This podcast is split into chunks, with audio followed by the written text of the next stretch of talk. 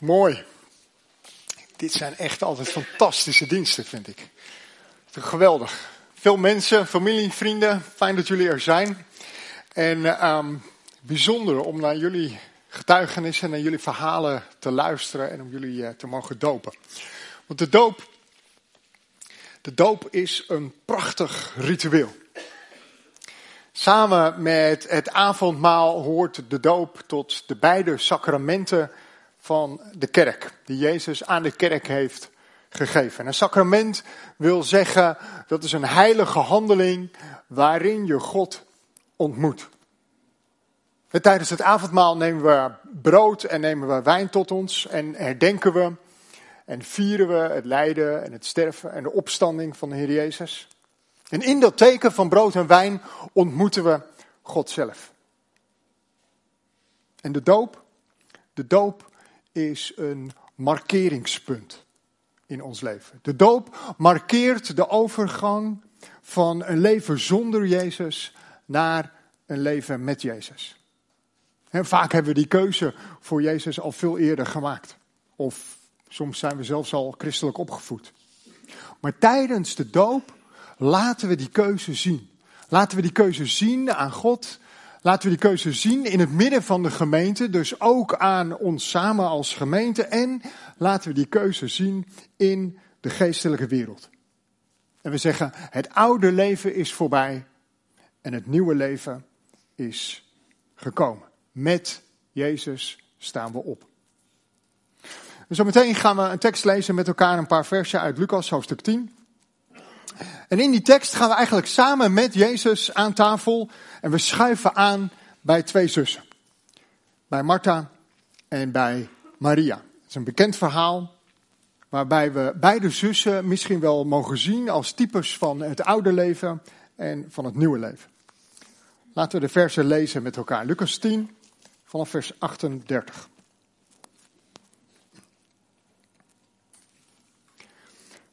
Toen ze verder trokken, ging hij, dat is Jezus, ging hij een dorp in waar hij gastvrij werd ontvangen. Door een vrouw die Martha heette. Haar zus, Maria, ging aan de voeten van de Heer zitten en luisterde naar zijn woorden. Maar Martha werd helemaal in beslag genomen door de zorg voor haar gasten. Ze ging naar Jezus toe en zei: Heer, kan het u niet schelen dat mijn zus mij al het werk alleen laat doen? Zeg tegen haar dat ze mij moet helpen. En de Heer zei tegen haar: Martha, Martha, je bent zo bezorgd en je maakt je druk over zoveel dingen. Er is maar één ding noodzakelijk. Maria heeft het juiste gekozen. En dat zal haar niet worden ontnomen. Ik kan niet echt lang stilzitten. Van nature ben ik een doener. Dat betekent dat ik met dit bekende verhaal niet echt uit de voeten kan. Ik heb een soort van haat-liefde verhouding met dit verhaal. Weet je, ik vind het gewoon erg lastig om stil te zitten en om te luisteren. Nou ja, en inmiddels ben ik dan wel zover dat als ik zo'n moment kies om stil te zitten, te luisteren en te bidden, dat ik in ieder geval pen en papier onder handbereik heb. Want ik weet niet hoe dat bij jullie is, maar bij mij is het als, als ik stil wil zijn en mijn ogen gaan dicht, dan, drrr, dan schieten alle rijtjes door mijn hoofd heen. Oh ja, dat moet ik nog doen en dat moet ik nog doen en dat moet ik nog doen. En dan kan ik dat gelijk opschrijven. Dan ben ik het kwijt, dan hoef ik er niet meer aan te denken, dan staat het op papier. En dan begint het volgende rijtje. Ja, maar ik moet voor die bidden en ik kan die nog bellen en ik moet eigenlijk... Dus dan komen er allemaal namen in mijn hoofd. Dat zegt misschien ook wel iets over mij, dat ik eerst denk aan taken en dan pas aan namen. Maar goed, dat terzijde. Ik heb geleerd om het op te schrijven en om het dan los te laten en dan kan ik een soort van stapje terug doen en opnieuw mijn ogen sluiten en proberen om stil te zijn, om stil te zitten en te luisteren. En als ik dan geluk heb, dan hou ik dat één, twee minuten vol. En dan denk ik, ah nee, dit is het niet. Ik vind het gewoon moeilijk. Het is frustrerend. En soms houdt er ook zelfs wel een schuldgevoel aan over. Want ja, Maria deed toch wat het beste was. Weet je, Martha is ook een doener. En eerlijk is eerlijk, Martha is goed bezig. Ze ontvangt Jezus, en niet alleen Jezus, maar ook zijn leerlingen gastvrij in haar huis. En volgens de ongeschreven regels van die tijd. Gasten heet je welkom. Gasten ontvang je gastvrij in je huis. Je nodigt ze aan tafel. Je haalt alles uit de kast om ze het beste voor te zetten. Je laat ze meeeten. En hé, hey, als het nodig is, dan laat je ze zelfs overnachten. Gastvrijheid is een groot goed. En Martha, ze doet het. Ze doet het goede daarin. Je oude leven. Je leven wat we in de doop symbolisch begraven. Dat oude leven, dat kan best goed zijn. je hoeft geen vlieg kwaad te doen. Je kan vanuit je hart, echt vanuit je hart, kun je druk bezig zijn met de goede dingen in het leven. Zorgen voor anderen. Klaarstaan voor anderen. Helpen. Je opwerpen. Acties. Je kan bezig zijn met zoveel goede dingen. En het kan ook heel goed zonder dat je God daarbij betrekt. Want dat is ook het oude leven. Een leven zonder God. Een leven zonder geloof in Jezus. Een leven wat meer gericht is op jezelf en waar jij mee bezig bent, in plaats van een leven wat gericht is op God. En het verhaal van Martha en van Maria laat ons zien dat het goede de vijand kan zijn van het beste. We kunnen zo druk zijn om het goede te doen in ons leven, dat er geen tijd meer over is voor het beste. Of dat we het beste misschien zelfs niet eens meer zien of herkennen. Het beste is namelijk een leven dicht bij Jezus. Een leven waarin je je laat voeden door de woorden van Jezus. Maria kiest het beste. En ze waagt daarmee een gok. Want het was gebruikelijk om te helpen. Om te helpen met de vrouwen in het vrouwengedeelte om alles klaar te maken voor de maaltijd. Maar in plaats dat ze zich voegt bij haar zus en helpt om klaar te maken, in plaats daarvan gaat Maria richting het mannengedeelte om te luisteren naar wat Jezus te vertellen heeft. En ze zet daarmee haar eigen reputatie op het spel. Want het was alles behalve gebruikelijk dat vrouwen daarbij aanwezig waren. En ze zet niet alleen haar eigen reputatie op het spel, nee, ook de reputatie van haar zus, van haar familie. Wat doe je nou? Dat is ongebruikelijk. Dat hoort niet. Ze moet helpen. Hé, hey, Jezus, zeg eens eventjes dat ze mij moet komen helpen. Wat zal iedereen wel niet denken? Wat zal er wel niet rondgaan in het dorp?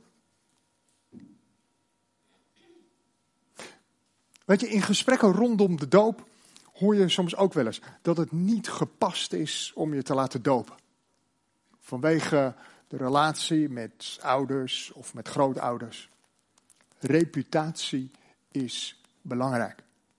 Wat anderen vinden is belangrijk.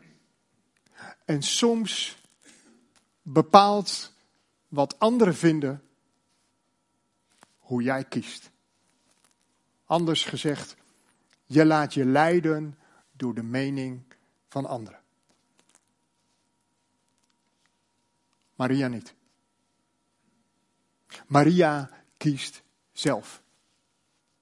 En Maria kiest het juiste. De keuze om Jezus te volgen in je leven is een hele persoonlijke keuze. En natuurlijk, kan het uitmaken of je gelovig bent opgevoed of juist niet. soms helpt dat in je keuze. Krijg je extra bagage of extra kennis mee. En soms werkt het ook averechts. Staat die extra bagage of kennis je in de weg. Maar met de doop bevestig je je persoonlijke keuze om Jezus te volgen.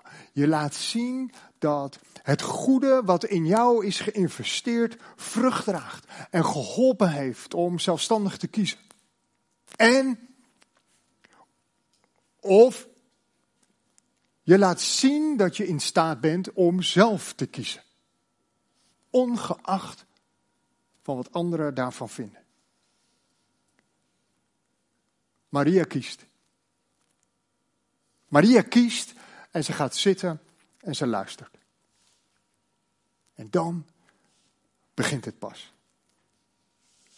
Het nieuwe leven begint.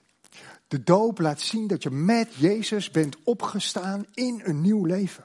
De doop is daarmee een beginpunt, niet een eindpunt. Niet een eindpunt in de zin van, check, dit heb ik nu ook gedaan, nu ben ik er, nu ben ik klaar om naar de hemel te gaan. Nee, de doop is een beginpunt. Een beginpunt van een nieuw leven onder de leiding van Jezus. En wat je dan ziet, is dat Jezus de rol omdraait. Aan het begin van het verhaal wordt Jezus gastvrij ontvangen door Martha. Aan het einde zie je dat Martha, Maria te gast is bij Jezus. Maria zit en ze luistert naar haar gastheer. Misschien is dat wel de kern van het nieuwe leven. Te gast zijn bij Jezus. Stil. Zitten.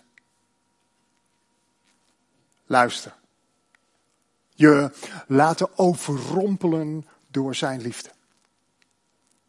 Ruimte ontvangen om te genezen. Leren om anderen te vergeven. Leren om jezelf door Jezus te laten vergeven. Reflecteren op keuzes die je juist wel of juist niet moet maken. En je langzaam aan laten vormen naar het beeld van Jezus. Om zo tot rust te komen en ontspannen te leven. Bij Martha zien we dat het goede de vijand wordt van het beste. Maria kiest het beste. Maria kiest wat blijft. En zo is het ook met de doop. Amber, Jonathan en Marlene, jullie hebben het beste gekozen. Leven onder leiding van Jezus. Wie volgt?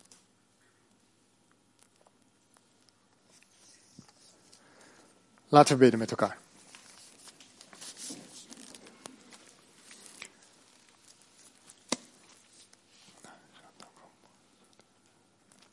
Vader in de hemel, dank u wel dat u hier bent en dat u als geen ander weet wie wij zijn. Dank u wel dat u ons kent. Dat u ons kent tot in het diepste van ons wezen, tot in het diepste van ons hart. Dank u wel, Heer, voor het gegeven dat u erbij bent. Ook als we worstelen in ons leven. Of als het juist allemaal goed gaat. En Vader, als we misschien wel aangesproken zijn deze ochtend. Heer, dan willen we dat voor u neerleggen. En bidden om uw leiding en om uw uitwerking verder in ons leven. En we danken u dat u bij ons bent en dat u met ons meegaat. Elke dag van ons leven. We prijzen uw grote en machtige naam. Amen.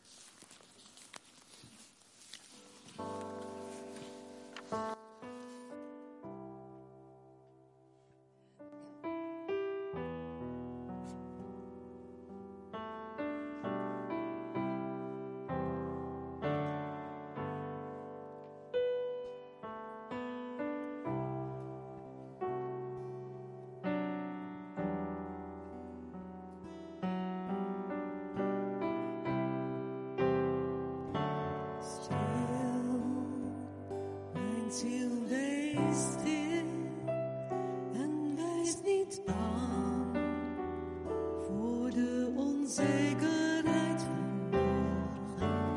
Oh, God omgeeft je steeds, Hij is erbij in je beproevingen en zorgen. God, u bent mijn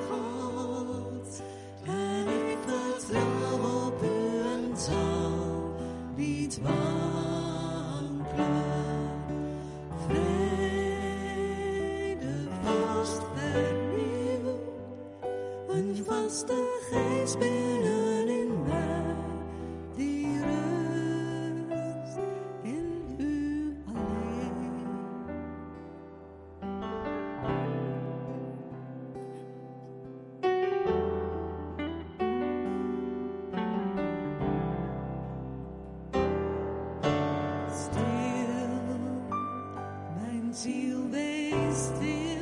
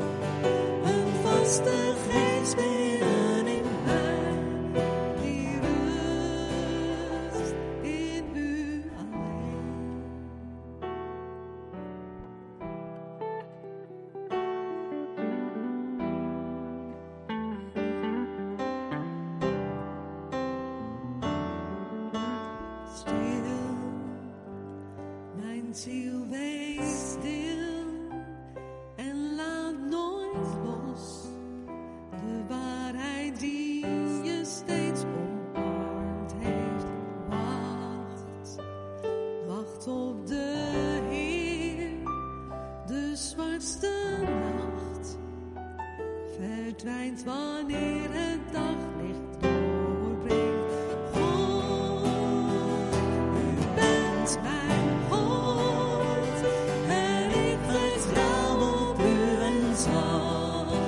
it's born.